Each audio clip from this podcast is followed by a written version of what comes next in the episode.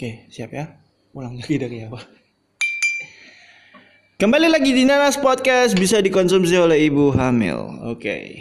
Jadi Hey. kita hari ini eh di episode kemarin kita udah ngasih semacam Teaser. teaser, sneak peek gitu. Sema- semacam kisi-kisi gitu ya. Eh apa ya bahwa episode episode 9 nanti akan membahas apa gitu. Dan Hmm. ya, di episode kali ini kita akan membahas tentang kasusnya RV. Hmm. Kasusnya RV dengan GA. Bukan cuma RV doang, RV dan EM. Jadi RV ini siapa?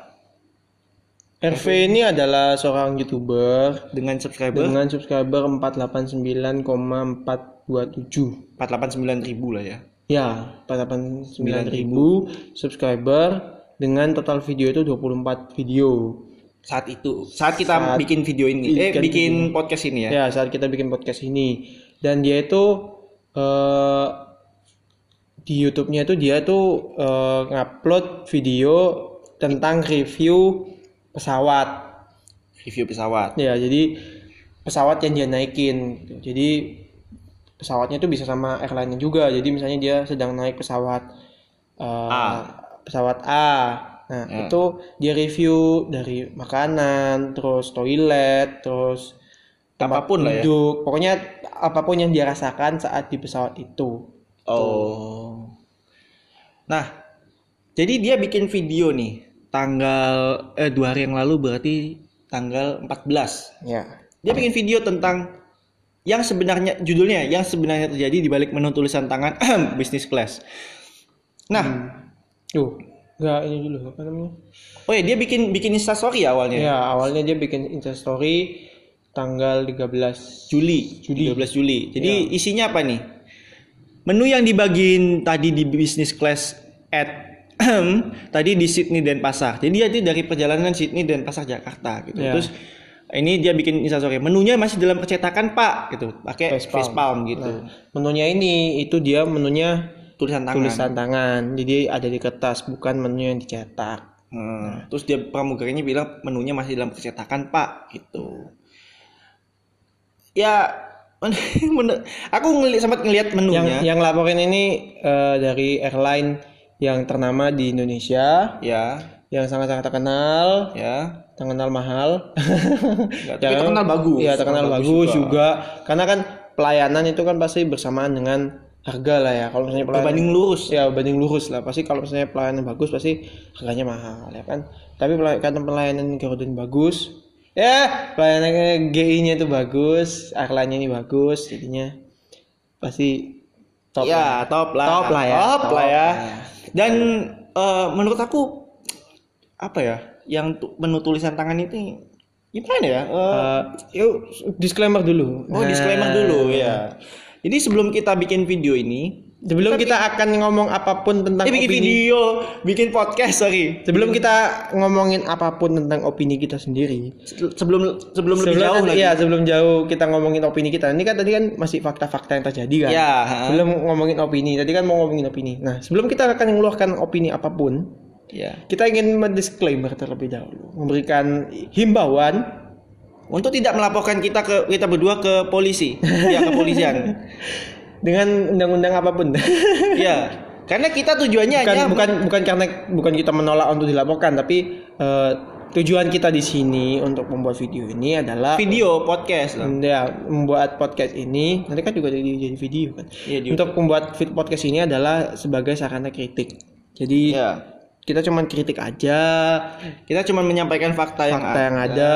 terus habis itu kita juga nanti mungkin kasih saran yang kita Iya. menurut kita baik ya.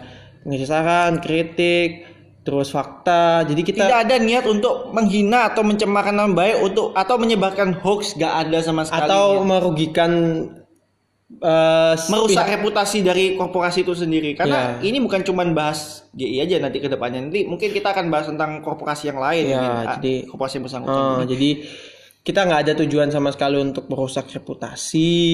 Kita sama sekali eh, hanya ingin untuk mengkritik, terus Mengkritik, mem- menyampaikan fakta. fakta dan memberikan saran. Udah. Itu aja sih. Iya, memang setiap setiap eh, korporasi itu memang harus meneri- harus bisa menerima kritik dan saran kan dari Iya. dari para customernya. Kalau tapi kalau udah dipolisikan itu udah nggak nggak nggak nggak lucu lagi sih. Iya, udah karena udah ya perkara serius sih itu. Kalau udah dipolisikan. Dan ya lanjut ya. Jadi eh, abis itu dia bikin video tadi tuh yang apa dengan judul se- se- kayak gitu. Jadi dia tuh judulnya yang, sebenarnya terjadi di balik menu tulisan tangan business class. Nah, di sini eh, tanggal 14 14 apa ya? 14 Juli 2019 ya, dia viewersnya udah 600 600-an lah ya. ribu. Ba- eh, saat kita bikin podcast ini viewersnya segitu. Jadi ribu. eh, dia apa nih di video ini dia ngapain nih? Ini video durasi 21 menit 7 detik. Dia Jadi ngapain? videonya itu cuman kayak klarifikasi aja sih. Bukan nge- nge- nge-review ini. Ya jadi awalnya dia sebenarnya kayaknya pengen bikin video review, Review gitu, ha. cuman karena udah terlalu besar masalah yang ditimbulkan, jadinya dia bikin klarifikasi aja Ha. soal sebenarnya situasi yang terjadi itu kayak gimana sih di airline di pesawat tersebut. Hmm. Jadi videonya tuh yang jelasin kayak gitu. Jadi misalnya jadi eh, bagaimana menunya menunya itu tulisan pakai tangan. tulisan tangan, terus bagaimana penumpang lain itu Nggak kehabisan wine. Enggak, dulu. Bagaimana penumpang lain itu kan sebelumnya kan penumpang lain dulu yang diberikan kertas kayak gitu. Bagaimana reaksi penumpang lain diberikan menu- dalam bentuk kertas itu. Kemudian bagaimana eh, situasi pramugari yang ada di sana. Ya. Pramugari bagaimana situasi pramugari juga. Hmm. Lalu bagaimana apa lagi ya? Ya yang itu jadi situasi Wine, wine wine itu ya. wine champagne dan lain-lainnya itu yang Pokoknya ya kayak gitu-gitu lah Habis situasinya ya. Dan pihak dari DI-nya sendiri mengatakan Hmm. kalau menunya itu tidak disebarluaskan. Padahal menunya itu jelas-jelas udah ada di tangan si RV ini dan Hmm. tangan penumpang yang lain. Berarti kan berarti kan kesimpulannya itu udah disebarkan kan, disebarluaskan Hmm. menunya itu. Berarti mungkin mungkin apa eh, mungkin ini human sebenarnya bukan bukan human error sih sebenarnya apa? Menurutku sih mungkin ini kayaknya untuk sebenarnya menunya tuh nggak disebarluaskan. Hmm. tapi ini inisiatif dari Pihak GI-nya. ya dari pramugarinya. Oh, pramugari GI-nya yang bagus banget sih menurutku. Jadi kan biar mempermudah penumpangnya untuk memilih menu kan. Jadi kan dia bisa lihat menunya secara full sehingga dia bisa mesen kan. Hmm, Ini- ini katanya, mungkin- katanya menunya ma- masih ada di percetakan katanya. Hmm, karena karena di videonya juga jelasin kalau misalnya pas dia pas dia mau naik GI ini itu dia nggak dikasih menu sama sekali. Dan dia nanya kan kenapa keadaan menunya? Tapi nggak sempat nanya ke pramugarinya nanya sama sama tunangannya itu. Namanya siapa? EM ya. EM dia nanya ke tunangannya itu. Dan ternyata ternyata baru dijawabnya tuh pas ada di video ini. Ternyata menunya tuh masih dalam percetakan dan itu ditulis tangan gitu loh. Yang sebelumnya memang karena nggak dikasih sebelumnya memang nggak dikasih gitu loh. Jadi nggak memang nggak disebarluaskan tapi yang di sini itu disebarluaskan tujuannya untuk mempermudah itu apa namanya eh, penumpangnya itu sendiri. Jadi sebenarnya bagus sih menurutku dari dari kecepatan pramugarinya berpikir gitu loh. Hmm. jadi sebenarnya ini kan tujuannya juga bagus kan untuk mempermudah juga kan. Kalau misalnya kita nggak bisa lihat menu kita mau milih apa Iya. Ma- kalau misalnya di kayak cuma dijelasin satu persatu kita kan jadi bingung milihnya kan? Jadi kita nggak bisa nginget Kita kita juga lupa. Iya kadang-kadang lupa. Loh tadi ngomong apa ya? Aku lupa. Gitu Terus kita ntar catat di HP, oh jangan main HP kayak gitu. Nah, iya, ini susah juga kita kan mau mau mesen sendiri itu jadi susah. Kan jadi bagus dengan kayak gini kan kita bisa lihat oh kita mau ini kalau yang ini yang kalau gini ini isinya apa aja? Kalau yang ini isinya apa aja? Soalnya kan ada orang luar juga kan. Masa orang Iya. luar bisa ingat-ingat banyak kan juga nggak tahu kan. Makanya kalau ini isinya apa? Kalau ini isinya apa? Kalau ini isinya apa? Kalau ini isinya apa? Tinggal ditanya-tanya. Habis itu nanti kan orang luar misalnya saya soto lah ya. Hmm. Maksudnya dia tahu soto itu isinya apa aja? Terus dijelasin lagi ini bahannya ini ini ini ini. Oh bingung lagi. Iya, nanti lupa lagi dia tanya lagi kan bingung juga kan. Kalau misalnya dia lihat kan, oh ini yang tadi ini rasanya kayak gini. Oh ini yang tadi ini kayak gini. Oh yang ini. Berarti ini tulisan tangan dari pramugarinya sendiri. Nah, katanya dia tuh dari pramugarinya. Tulisan tangan pramugarinya. Oh, udah ada hiasannya lagi keren ya. Nah, makanya bagus kan berarti kan. Appetizer, main course, di dessert. Men- menunya apa aja nih menunya? Pengen tahu aku menunya. ini ya, coba ini ini nih. Nah, Bu. Ini ini ini ini. Nah, menunya apa aja nih? Appetizer, appetizernya main course, tuna dessert. tuna salad, beef soto soup, mushroom soto soup.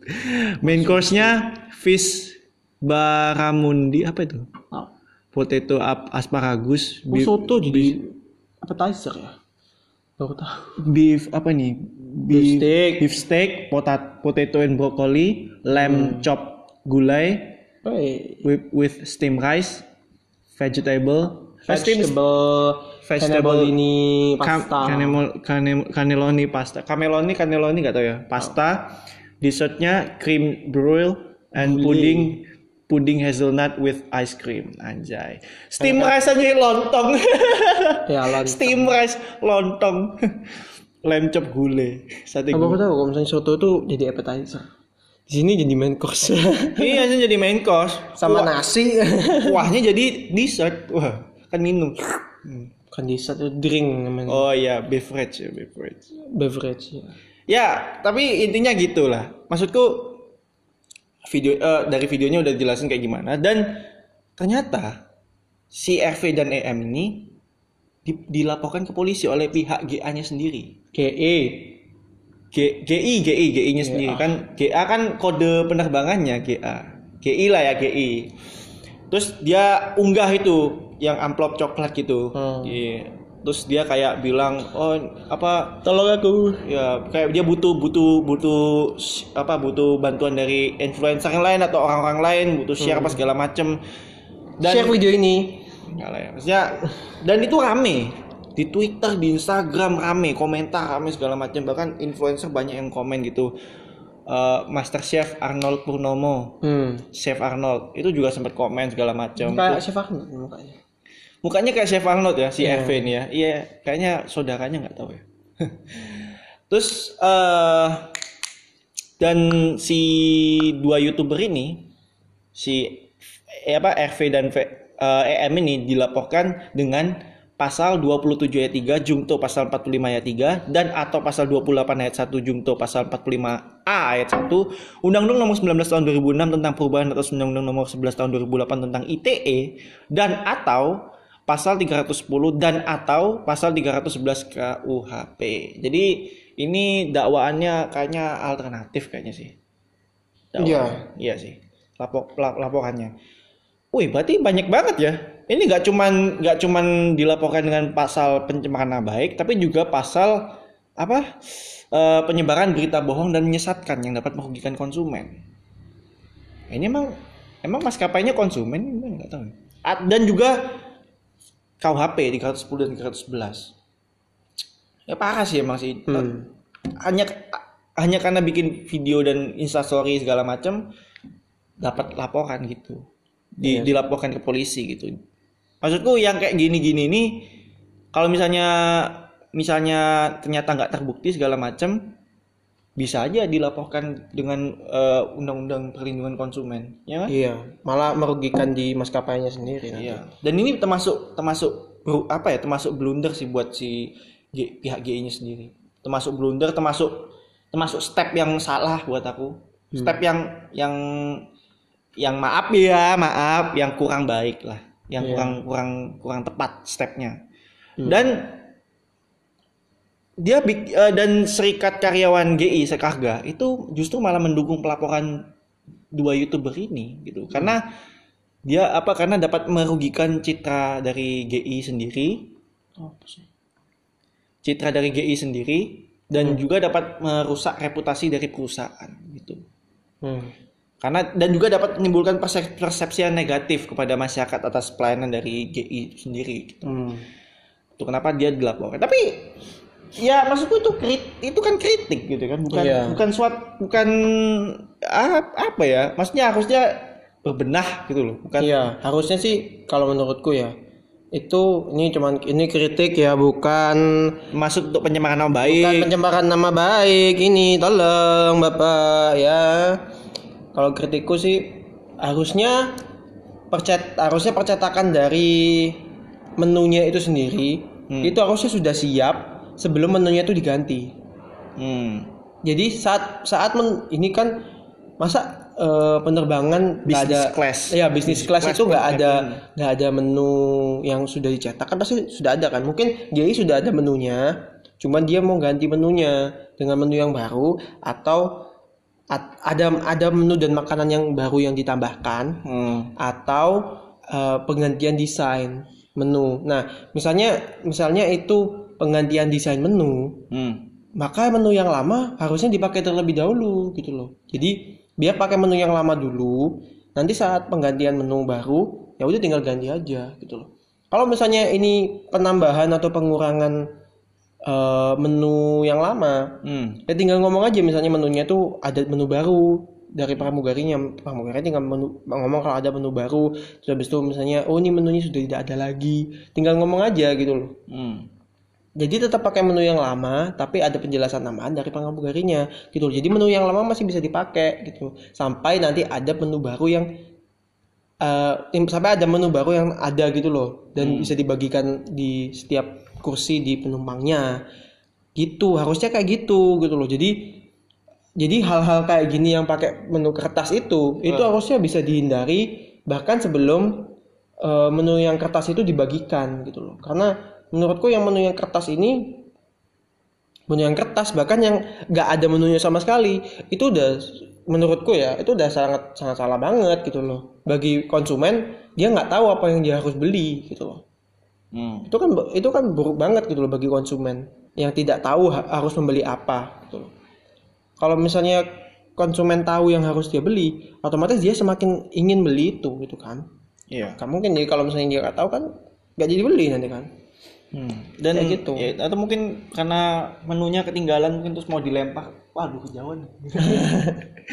Tapi nggak mungkin sih kalau ya makanya itu itu itu itu kritiku sih itu se- itu kritik dan saran ya. Itu kritik dan saran. Harusnya seperti itu. GI itu harusnya eh, tetap menggunakan menu yang lama dengan beberapa penjelasan-penjelasan tambahan yang ditambahkan oleh pramugarinya gitu. Masa orang beli langsung saya beli ini ya.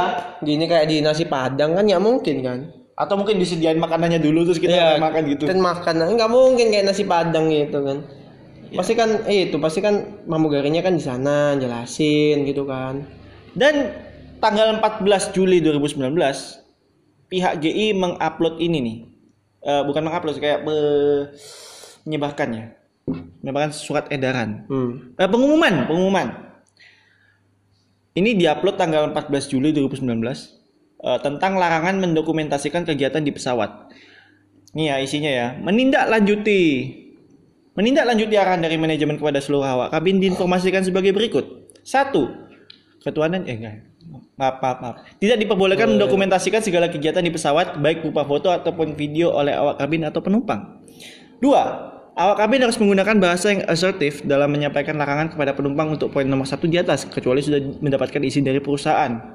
Asertif itu berarti tegas ya, tegas. Tiga, perusahaan akan memberi sanksi jika terjadi pelanggaran terhadap ketentuan di atas. Demikian disampaikan untuk diketahui dan dilaksanakan secara konsisten. Terima kasih atas perhatian dan kerjasamanya. Selamat bertugas. Dan ini tantangannya oleh EO, inisialnya EO. EO EO sebagai Event Organizer. Sebagai apa ini? Eh, standard and development standardization lah banyak banget ya Standar dan susah banget tapi ya kayak gitulah dia dia dia bikin itu gara-gara youtuber mengupload instastory gitu Hmm. dan juga video YouTube mem- kritik. iya berikan kritik dan langsung itu langsung si apa namanya si pihak GI-nya bikin pengumuman kayak gitu Hmm. maksudku itu udah step yang kurang tepat menurut aku buruk sih step yang kurang tepat. Maksudnya ada maskapai lain yang yang yang kualitasnya you know lah ya, yang ahem gitu.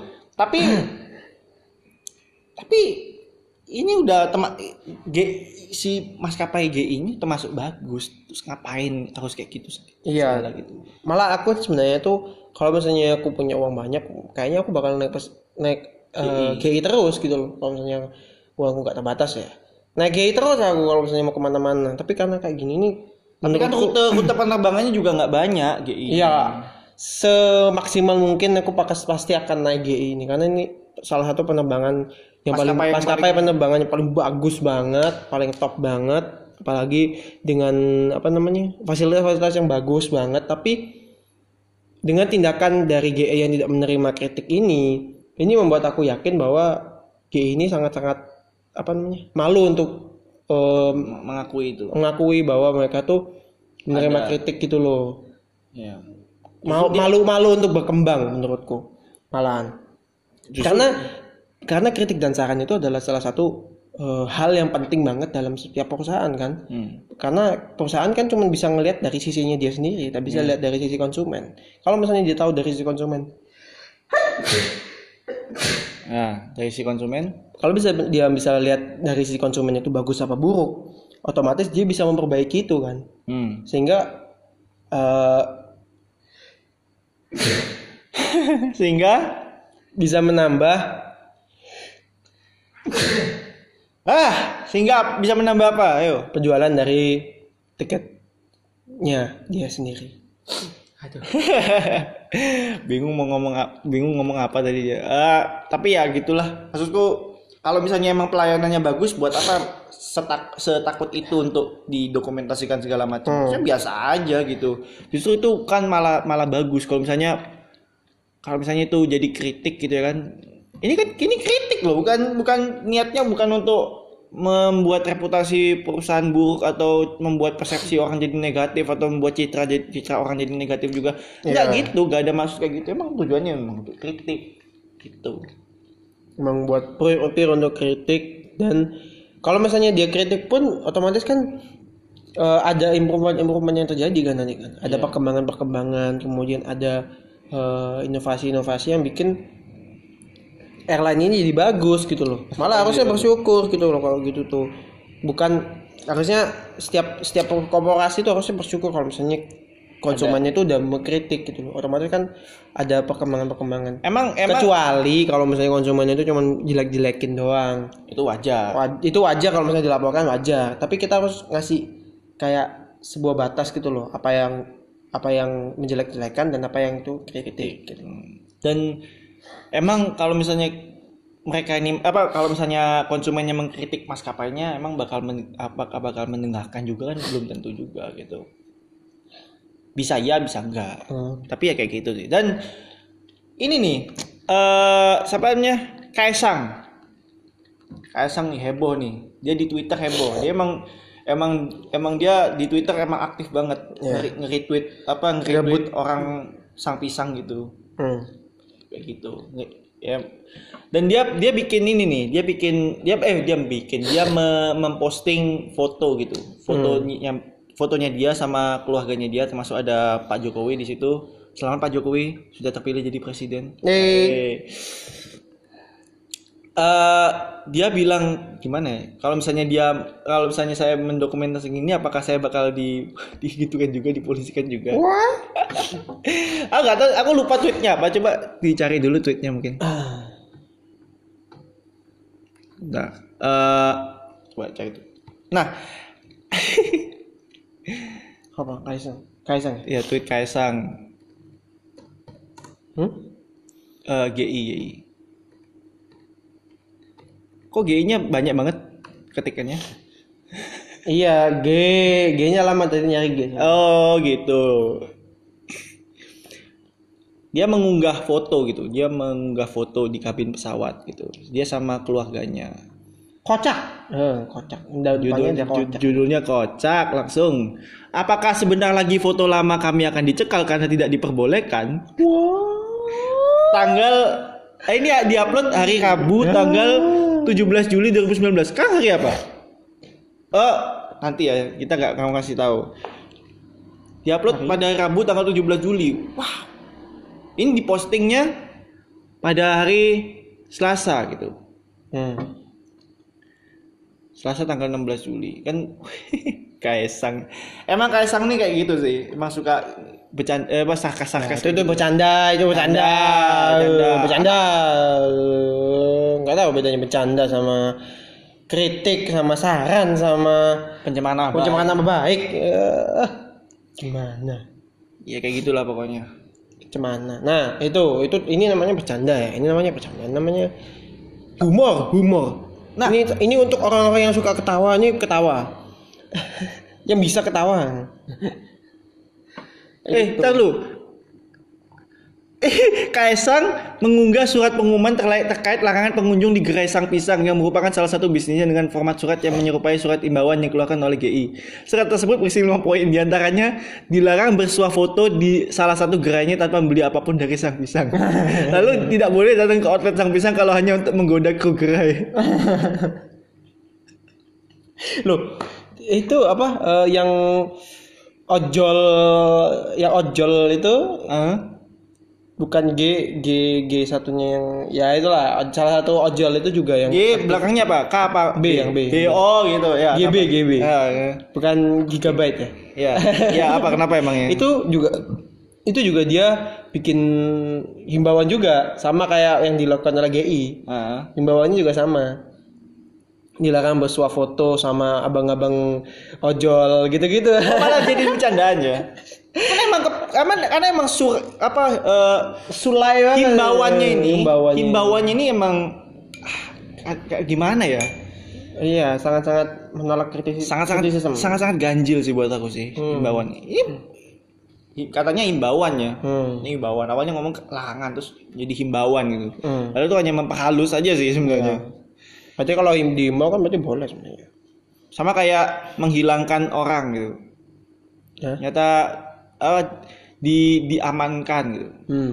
Kayak penjara jadi LP lembaga Lembaga apa ya? apa sih? Pelayanan. Eh wah kok lembaga Apa pelayanan? Ah, lupa lah pokoknya kok kayak gitulah. Lembaga pemasyarakatan. Iya, lembaga pemasyarakatan. Ya, LP gitu. Penjara jadi LP. Kayak apa halus aja kata-kata.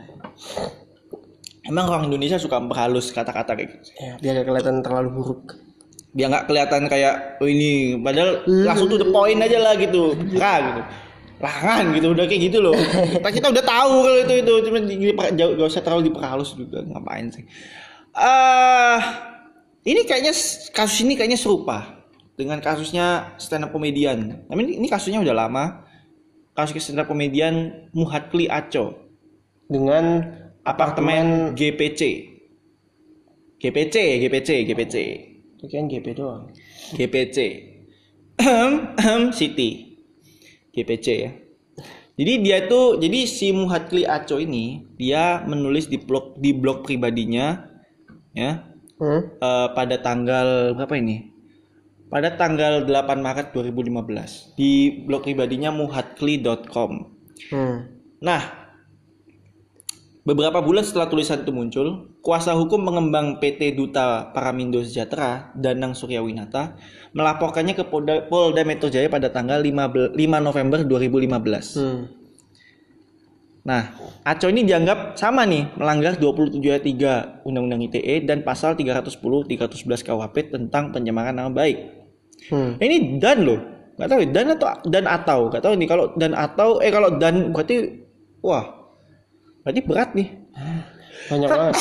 ketularan dalam dalam blognya dia Aco mengungkapkan kekecewaan karena pengembang tidak memenuhi janji untuk menjadikan area apartemen sebagai ruang terbuka hijau Selain itu, ketidakjelasan sertifikat juga banyak dikeluhkan oleh para, para penghuni GPC ini. Padahal menurut Aco, sertifikat itu dibutuhkan jika penghuni ingin menjual dan menjadikan jaminan ke bank untuk modal usaha.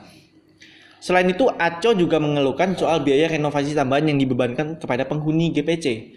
Dalam buku ketentuan yang dibuat oleh pihak pengembang, untuk biaya renovasi penghuni perlu membayar Rp 1 juta sebagai deposit dan uang sampah se- sebesar 500 ribu.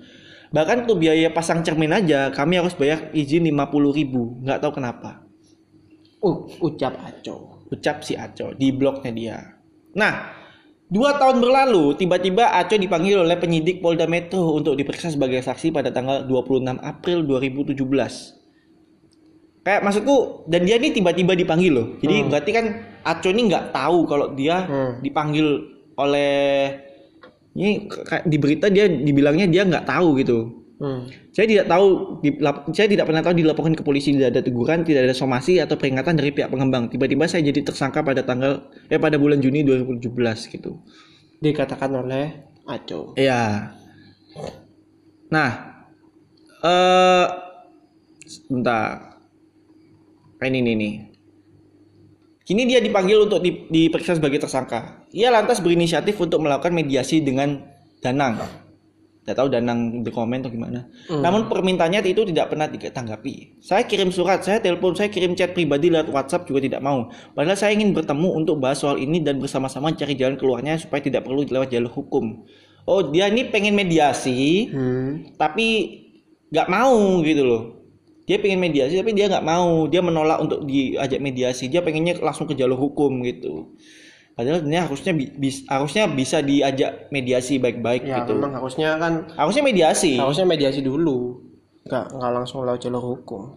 upaya tersebut tidak membuahkan hasil. Aco kembali memenuhi panggilan ke Polda Metro Jaya untuk pengambilan sidik jari dan foto sebagai tersangka pada tanggal 17 Juli 2017 nah di Twitter ini sempat ramai di Twitter Instagram ini sempat ramai nih. Hashtag Aco tidak salah di kalangan stand up komedian ya itu sempat ramai tuh pada saat itu loh ya Akun Twitter atas nama @muhadkli menjadi salah satu barang bukti yang disita polisi. Kini Aco tinggal menunggu waktu untuk menjalani sidang kasus dan dugaan pencemaran nama baik yang menjeratnya.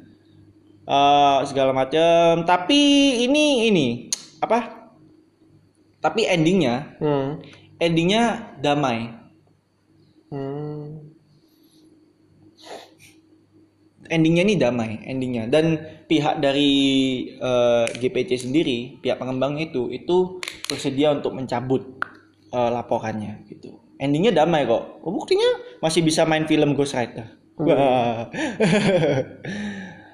Dan kalau em kalau kalau misalnya si Aco berani ya, dia ini sebenarnya bis- bisa menjerat Balik. menjerat balik eh, undang-undang perlindungan konsumen gitu. Karena sesuai dari kritiknya itu tadi. Dan kayaknya nggak cuman Aco yang mengalami hal ini, penghuni-penghuni di GPC pun yang lain juga kayaknya mengalami hal serupa gitu. Cuman dia kayak diajak ngomong, diajak mediasi, diajak ngobrol segala macem, nggak mau apa segala macem, akhirnya mulailah bikin blog gitu.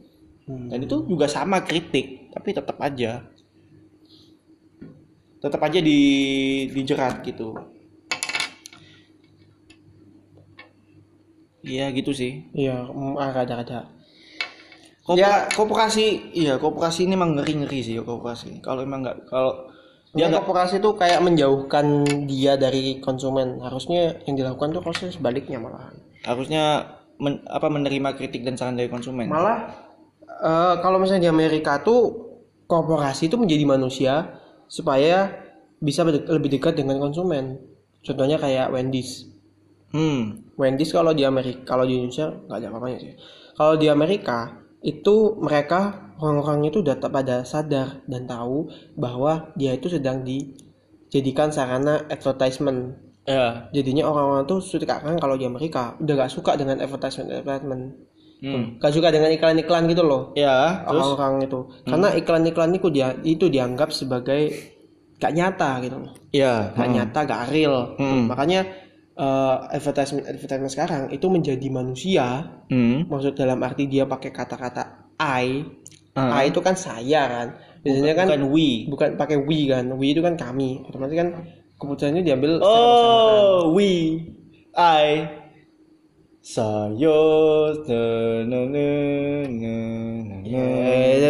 jangan. Ini video sudah, ini podcast sudah berbahaya, tambah bahaya lagi. Dasar ini sukanya mencari masalah. Nah, Ya.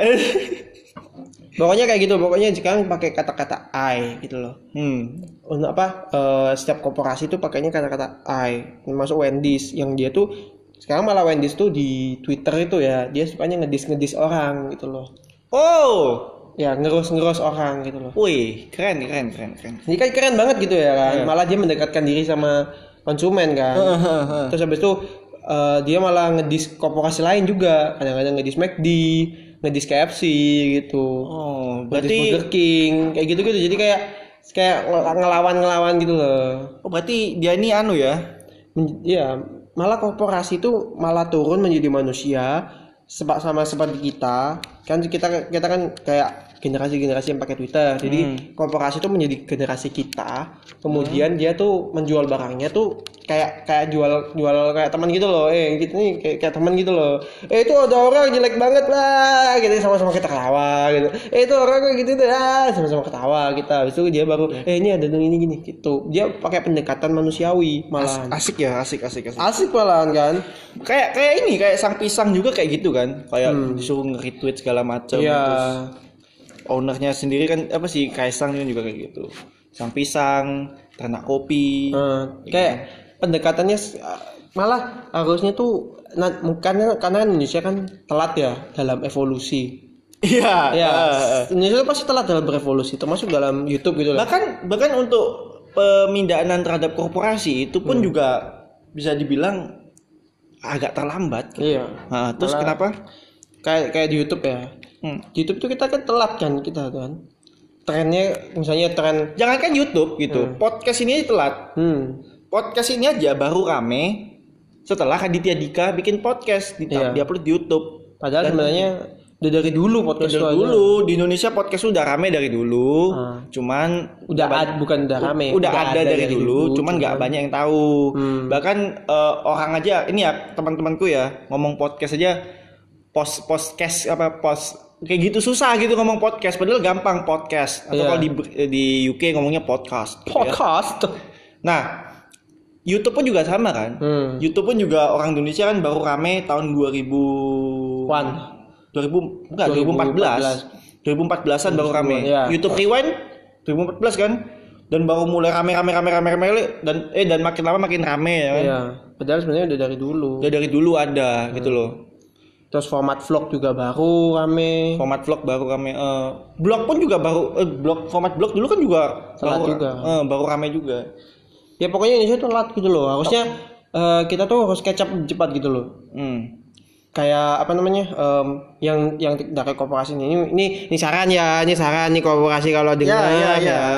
korporasi kalau dengar ini saran yang bagus banget. Yo. Kita harus catch up lebih cepat dari apa yang terjadi di Amerika gitu loh malah kalau misalnya itu terjadi di Amerika kita harus langsung implementasikan di sini gitu loh. Karena iya dicoba di sini. Karena dengan semakin cepat kita implementasikan ke sini semakin bagus bisnisnya itu. Gitu loh. oh kayak teknik marketing gitu bagus teknik marketing gitu loh. Di, di di apa Citylink pakai pantun? Iya sekarang iya Citylink juga Citylink bak anu pak pas udah mau landing gitu pakai pantun. pakai pantun anjay mungkin mungkin di mungkin wali kota Depok oh iya mungkin setiap orang sekarang harus mem- memakai pendekatan manusiawi sekarang kan. Jadi Iya. kayak misalnya em, mungkin GI nanti bisa pakai Twitter gitu dia udah pakai Twitter, juga Maksudnya- pakai Instagram. Bukan maksudnya pakai Twitter dalam artian tidak tidak menjadi korporasi gitu loh melainkan menjadi manusia gitu loh Ya, jadi, jadi pakai kata pakai kata saya bukan pakai kata kami. Terus pakai pakai apa? hah pakai kata saya dengan kami terus habis itu pakai apa lagi? Eh pakai guyonan-guyonan yang itu bisa diterima oleh generasi-generasi muda. Banyak kalangan ya. ya generasi ya banyak kalangan terutama kalangan muda. So habis itu pokoknya eh, menerima kritik dari kalangan-kalangan muda. Pokoknya yang penting tuh eh, korporasi sekarang itu harus menjadi me- harus lebih turun tangan lah. Harus lebih turun tangan lebih lihat ke bawah lihat ke customernya gitu loh. Konsumennya juga. konsumennya juga. Customernya dilihat gitu loh oh bagaimana kondisi di sekitar customernya. Baru bisa bertindak bukan bertindak semen- semena-mena dia itu adalah sebuah korporasi gitu. Iya. sekarang korporasi itu malah harusnya tuh menyatu dengan customer gitu loh. Bukan korporasi itu memisahkan diri dengan customer. Ini customer ini korporasi itu ada dua entity. Ini salah harusnya tuh mereka tuh udah ada satu kesatuan gitu loh. Iya. satu kesatuan mereka harusnya bekerja sama gitu Bukan malah mem- bukan malah mempolisikan konsumennya sendiri. iya. bukan malah mempolisikan kayak gitu.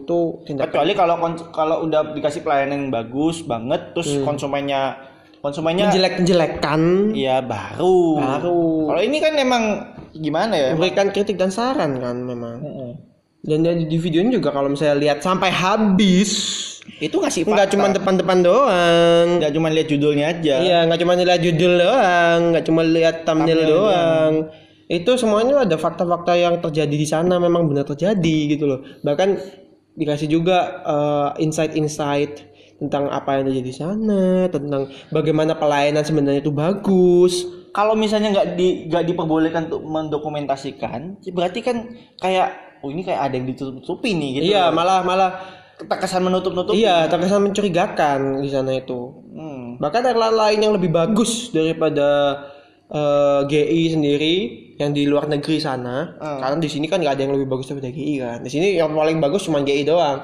yang di Ada luar lah, negeri- ada lah yang lain. Yang yang jelek tapi ada juga. Iya. Ya, Cuman tapi yang kita nggak- kita nggak mau kasih yang, yang, yang bagus yang yang bagus cuma GI di sini. Nah, menurutku ya. Menjilat, menjilat. Yuk, kalau menurutku kayaknya paling bagus ini. Tapi kalau di luar negeri itu Hmm. kan ada yang lebih bagus karena memang teknologinya kan lebih bagus di sana kan. Ya, Nah, terus Ya di luar negeri itu malah lebih terbuka di sana gitu loh. Oh, misalnya mau kritik ya udah gitu loh. Mau kritik saran ya udah makan Casey Neistat dulu pernah kalau nggak salah kritik Jetbus kalau nggak salah. JetBlue apa JetBlue? apa? JetBlue ya? Iya, jet dulu kalau. JetBlue pernah dikritik sama Casey Neistat akhirnya Jet, JetBlue apa American Airlines antara dua itu kalau kalau nggak Air- American Airlines kalau nggak JetBlue itu pernah dikritik sama Casey Neistat yang akhirnya dia pindah ke maskapai lain gitu loh. Hmm. Kritiknya tuh keras banget gitu loh. Kritiknya sangat-sangat keras. Bahkan dia sampai bilang saya akan pindah ke maskapai lain dan tidak akan pernah pakai maskapai ini lagi. Nah, itu udah sangat-sangat keras banget loh itu. Itu Kalau- kalau, itu itu air itu Casey Neistat loh. Hitungannya tuh followersnya banyak, influence-nya tuh gede. Subscribernya juga Subscriber banyak. juga gede.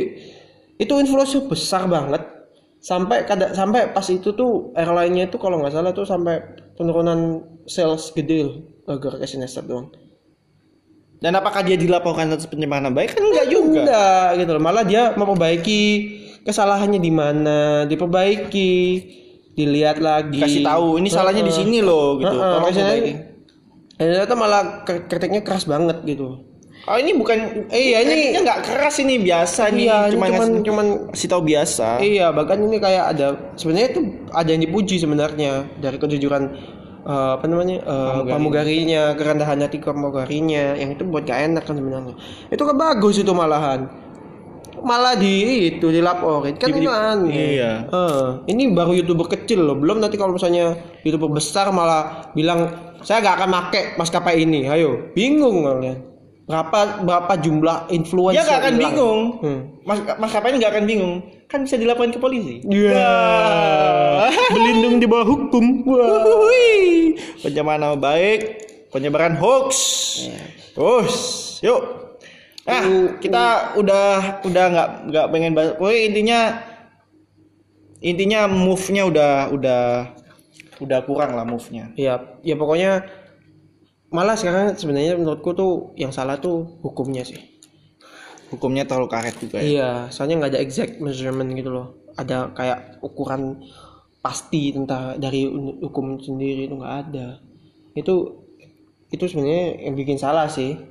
Hmm. Dan apa namanya? Kalau misalnya hukumnya itu dibuat lebih jelas lagi tentang hal-hal itu tuh menurutku bagus sih. Harusnya tuh kayak gitu. DPR tolong sebagai wakil rakyat dengarkan suara kami, jangan Iya. dengarkan suara korporasi. Wiu, wiu. Oke, oke, udah kita stop sampai itu karena pembahasannya berbahaya. Nah, Iya. kita di episode ini, di episode Kemarin. 8 kemarin ya, itu kita, eh, aku sebenarnya, aku udah, aku baru tahu nih, nyata ada eh, sponsored segment gitu. Nah, aku pengen, ini pengen aku kasih tahu ya sponsored segment kayak apa di Anchor. Uh, Homi Pak dulu, siapa yang baca duluan? Sud lah kok hobi. Oh, set ya. Set, set, set. Set, set, set. Nah, aku dulu. Anchor sponsorships. Anchor sponsorships makes it really easy to get paid to podcast. Activate it in your episodes and we'll do the work of matching you up with potential sponsors for your podcast. Jelas nggak nih? Uh, jadi Anchor sponsorship itu membuat kita uh, menjadi mudah untuk untuk dibayar di podcast ini di Anchor ini. Uh, aktif aktifkan itu di episodemu dan kita akan melakukan kita akan bekerja untuk uh, mencocokkan Cocokkan. itu dengan sponsor yang potensial untuk podcast kita. Nah, lanjut. Nah, oke. Hai. Matching you with sponsors. Add sponsored segment to an episode and we'll immediately start matching you with the, with great sponsors for your show. You'll always get to choose which sponsor you want to work with. Oke, jadi artinya apa nih? Jadi Mencocokkan. mencocokkan mencocokkan sponsor, menambahkan segmen sponsor dari setiap episode akan segera segera kita akan segera dari anchornya itu akan segera mencocokkan kita dengan sponsor untuk eh, dengan sponsor dari dengan show kita. Nah, eh, kita juga bisa memilih sponsor yang mau kita kerjasama. ya Itulah. including ads in your episodes. You decide which episodes to monetize, eh, to monetize, how many ads to include, and where in each episode you, your ads will appear. This quick video explains everything you need to know about ad placement and working with multiple sponsors. Jadi kita memutuskan episode Kita mana bisa yang milih. kita bisa milih episode mana bisa dimonetize, dimonetisasi. YouTube nih, YouTube ada monetisasinya. Jadi di Anchor juga ada. Eh, berapa banyak eh, iklan yang muncul dan di manakah Iklan itu, akan bermain. ya di episode mana gitu. Hmm. Eh, ep- ya gitulah. Udah, itu kan videonya nanti kan di play gitu loh maksudnya. Ya, terus getting paid. Getting paid for your ads. We eh, When? when listeners start hearing your ads, you get paid. Include sponsor segment in all your episode to make more money. You can cash out your balance at any time, right to your bank account. Jadi setiap pendengar mendengarkan ads yang ada di sponsor kita, yang ada di eh, podcast kita, itu kita dapat uang. Kalau misalnya kita monetisasi banyak episode, otomatis banyak uang yang kita dapatkan. Kita juga bisa ngambil uang itu setiap saat di bank kita. Okay. Recording your ads. ads. Odd, odd. Recording your ads. Recording an ad for your sponsors is easy. Be enthusiastic and have fun, and people will love it. Tip Keep up your ads general so they can work well in any one of your. Video, a podcast. Gak tahu ya. Got it, thanks. Okay. Ya, Jadi recording recording an ad untuk sponsor itu sangat mudah. Itu itu gampang. Eh, bi- jadilah antusias dan senang gitu dan orang akan suka itu. la la la la la. La la la la la la la la la, gitu. Tip, tipsnya ya, eh, keep your ads, eh, buat adsnya itu iklannya itu umum. Jadi mereka akan bekerja baik di salah satu video kita, eh di salah satu podcast kita. Got it, thanks. Oke. Oke, jadi sebenarnya kita aku sih, aku sih agak bingung gimana sih caranya eh, cash out terus habis itu kita membayarnya kayak gimana, terus kita ngerekam eh, sponsor segmennya kayak gimana, tapi mungkin podcast ke depan kalau misalnya ada sponsor segmen, Hmm. mungkin kita bisa ada la la la la la. yang nggak tahu apa referensi la la la la itu Di pengen siaran. di ya? pengen siaran itu selalu ada sponsor segmen yang itu dia ngesponsorin hal-hal yang nggak penting dan itu pasti dimulai awalannya dengan La la la la la. la la la la, dari tretan muslim ya Ya. gitu. Mungkin kita akan lakukan kayak gitu nggak tahu tergantung sponsor Tapi kita tapi nggak menutup kemungkinan kita akan menanyakan eh, yang kayak gini-gini sponsor segmen kepada bintang tamu. Kalau misalnya kita punya tamu ya, Iya. kita punya tamu yang sudah bisa bisa apa di anchor podcast bisa di bisa lihat ya Heeh. maksudnya bisa di-upload lah gitu. Eh, bisa di ad- ada sponsornya, bisa dimonetisasi podcastnya dia di Anchor. Kita mungkin bisa tanya-tanya jadi bintang tamu sekalian ajak ngobrol juga di podcast ini. Lumayan dapat nambah episode juga, nambah duit juga. Walaupun kita fokusnya di podcast ini nggak cuma bukan bukan duit, fokusnya Ya, kita ini fokusnya kita cuman buat ngomong aja buat cuman buat ngobrol. Fokus awalnya. Kalau duit itu ya tambahan doang. Iya. Walaupun kita kita bersyukur kita dapat uang nantinya di podcast. siapa yang nggak suka uang nggak usah munafik juga ya. iya Tapi kita kita kalaupun nggak dapat uang ya nggak apa-apa gitu. Ya nggak apa-apa. Kita kita yang penting bisa ngobrol. Hmm. Apa pun yang kita mau, topiknya apa gitu. Kita obrolin gitu. Hmm. Selama itu menarik kita obrolin gitu. Kayak gitu sih. Maksudku tapi kita tetap penasaran sih yang kayak gini-gini. Iya, kita masih Kita pengen, kita masih pengen tahu eh, bagaimana ini bisa jalan ke mana podcast ini kalau misalnya kita bisa monetisasi kan lumayan lah ya bisa dapat tambahan uang. Nanti kita bisa upgrade equipment podcast kita. Jadi rencanaku sih kalau misalnya ini bisa berjalan mulus habis itu kita bisa dapat uang dari ini eh, semua uangnya tuh bakal langsung ke tujuannya ke podcastnya ini. Jadi Hmm, kita bakal beli equipment yang lebih bagus Mic yang itu bagus. mic yang bagus. Kalau bisa salah satu ada micnya terus habis itu nanti mungkin bisa beli kamera lagi kan kamera habis itu kita bisa shot gitu di YouTube mungkin balik lagi ke YouTube habis itu nanti. Ya pokoknya uangnya tuh pasti modalnya- eh, uangnya tuh pasti akan muter lah istilahnya. Kalau misalnya kita dapatnya dari sini kita akan putar lagi di sini. Gitu loh. Jadi kita nggak pakai buat kayak pakai buat minum buat makan buat apa buat open table enggak. Ya buat buat bayar SPP enggak lah ya. Apa-apa. Pokoknya kita akan putar itu ke podcast lagi untuk mengimprove podcastnya lagi. Habis itu nanti mungkin kita akan mengiklankan diri kita. Oh, nggak tahu. Biar Iya. biar banyak penontonnya, pendengarnya. Pokoknya akan kembali lagi ke pendengar. Terus kita juga gak akan berpengaruh pada topik pembicaraan. Ya mungkin kalau misalnya topik pembicaranya nyambung lah ya, ya gak apa-apa disambung-sambungin. Tapi ya kit- kan namanya nama podcast kita aja nanas podcast nih anak ngomongin apaan sih ya Jadi jadi obrolannya juga nggak akan bakalan bi- bikin pendengar bingung. Bahkan kita sendiri juga bingung ini habis ngobrolin apa ya? gitu. Ngelantur aja. ya ngalor ngidul gitu. Hmm, pokoknya yang penting kita pengen ngobrol aja. tujuan utamanya pengen ngobrol. Iya, tujuan kami nah yang kayak gini-gini nih yang kita obrolin gini tentang monetisasi segala macem Hmm. itu bikin bocah-bocah tuh jadi pengen gitu bikin podcast Ya, padahal sebenarnya Eh, tapi mereka bakal ngomongin apa juga aku nggak aku juga bingung gitu loh hmm. emang anak anak anak kecil tuh emang emang ada ya anak kecil yang bikin yang bikin podcast aku belum tahu sih kebanyakan orang bikin podcast tuh orang-orang dewasa gitu ada yang sih harusnya. Hah? Ada sih harusnya.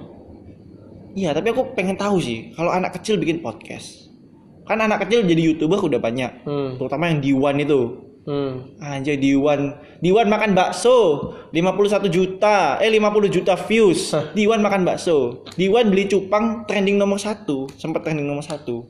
Lain sidang MK waktu itu. Ya kayak gitulah. Tapi aku penasaran sih Kalau Anak kecil Bocah Bikin podcast Apa topik yang kira-kira bakal dibahas sama dia? Apakah eh, Kemarin saya aku kemarin main PS gitu di rental gitu atau gimana gitu ngerjain PR atau ya pasti seputar seputar seputar sekolah lah mungkin atau Iya. gimana kan ngomongin podcast gitu. Oh, tapi penasaran sih apa yang bakal diomongin sama kalau misalnya ada anak kecil bikin podcast kan podcast kan udah mulai rame gara-gara Aditya Dika. hmm, pasti ada anak-anak kecil yang Nantinya bakal bikin ya, podcast juga. podcast juga nanti. Aku aku penasaran sih. Hmm. Aku penasaran Deddy Kobuzer bikin podcast. Penasaran eh, kalau Deddy Kobuzer kan paling karena dia kan dia udah masuk Islam, ya kan? Jadi dia mungkin akan membahas tentang tentang apa ya kayak ilmu-ilmunya il- ilmu-ilmu dia gitu mungkin di podcast. Nggak tahu lagi sih ya, tapi mungkin seperti itu. Ngobrol-ngobrol sama Gus Miftah gitu yang ya gitulah. Iya, mungkin ada obrolan-obrolan dia tentang religius-religius gitu mungkin Ya, atau tentang Islam gitu eh, ya. mungkin yang mungkin politisi bisa bikin Podcast. podcast mungkin. Aku justru justru menyarankan dosen, Hmm. dosen atau guru itu bikin podcast. Kayak ngerekam materi gitu. Iya. Kayak dia kayak dia nulis materinya apa aja, materi gitu, materi segala macam. Terus podcast. Materi sama nggak tahu ya misalnya kalau dosen 2 SKS 3 SKS berarti ya satu jam dua jam satu setengah jam apa dua setengah jam gitu terus mahasiswanya disuruh dengerin podcastnya dia buat materi terus bisa tanya-tanya lewat email tak lewat, eh, lewat email atau lewat apa gitu terus tugasnya Apa lewat komen yang ada di bawah podcastnya gitu. emang di anchor bisa lihat komen kan nggak gitu nggak tahu. Ya, kan siapa tahu ya. terus tapi kan kan bis- bisa juga kayak gitu loh Hmm. Ya. ini materi podcast ini segala macam terus ki- kita dengerin gitu sambil sambil nyatet atau gimana Iya. gitu aku aku kayaknya inovasi yang bagus kalau dosen bikin podcast gitu. Tapi aku belum pernah belum ngelihat ada dosen bikin podcast. Tapi kayaknya keren sih kalau misalnya ada dosen bikin podcast. Dosen Indonesia loh ya. ya Dosen Indonesia bikin podcast. Itu kayaknya inovasi yang sangat-sangat keren sih. Tapi se- sejauh jadi ini kan jadi kan bisa dilihat terus jadi kan Iya. eh, materinya pembelajarannya bisa dilihat terus habis itu kita juga nggak capek-capek bawa HP ngerekam gitu. Ah, rekam apalagi- di kelas. nggak capek-capek di kampus kalau perlu kan Ya, tinggal dengerin aja di podcast. iya dengan kita Jadi datang ke kampus cuma buat tanda tangan absen, udah pulang. ya, kalau nggak cuma buat ujian aja udah Iya. Kan kita penting kan itu penting kan ujiannya bisa habis itu apa kayak misalnya ada praktek nanti praktek gitu kan itu aja kan Gitu sih. Eh, Buat aku inovasi podcast tuh keren sih. Ya, inovasi dosen bikin podcast tuh keren. Ya youtuber bikin podcast juga keren. Ya tergantung dari youtubernya sih Aku ngeliat itu podcastnya Max Movo sama PewDiePie Cold Ones. nah, Itu lucu sih ya pod, apa itu pod- niat banget sih podcastnya podcastnya niat banget tayang di YouTube, podcastnya editingnya banyak banget banyak itu banget editingnya. editingnya. gila itu orang nggak capek apa ngedit doang tuh berapa jam itu sampai sejaman gitu kan Satu jam 41 menit. iya tuh ngedit terus dia tuh. Capek apa gitu Kita aja podcast cuman 20 menit, itu aja cuman audionya doang, terus kita kayak kasih efek animasi gitu, udah selesai gitu aja gitu. Eh, Gak usah ribet-ribet, langsung diupload langsung gak usah ribet-ribet banget gitu. hmm. Ini ini up, diupload semua, ada versi visualnya dan di- ada editingnya gitu. Hmm. Niat banget gitu. Kalau podcast Raditya Dika paling cuman sensor, terus sama ganti, terus sama ganti, ganti kamera, kamera, ganti kamera doang. ganti angle kamera. Udah gitu doang, selesai. Gak ada kayak editing paling ada cut-cut dikit-dikit Hmm. gitu. Tapi gak ada editing kayak uh, zoom atau apa apa gitu. kayak ada kayak ungu-ungu gitu Ini niat banget sih podcast. Hmm. Yang ke podcastnya si Max Movo tuh. Max Movo sama siapa dia? nggak tahu Satunya yang yang yang gendut tuh. Pokoknya aku taunya Max Movo Orang karena dia kan putih. karena kan dia kan kenal di, aku kan tahu Idubs, dia teman sama Idubs juga. aku taunya pas dia muntah-muntah Oh iya, itu kan itu itu taunya dari muntah-muntahnya Iya, doang itu, itu aku tahu itu legendary banget sih. Yang pas dia muntah-muntah gitu. hmm. Ya, gitulah. Eh, kok kita bahas malah sejauh ini bahasnya.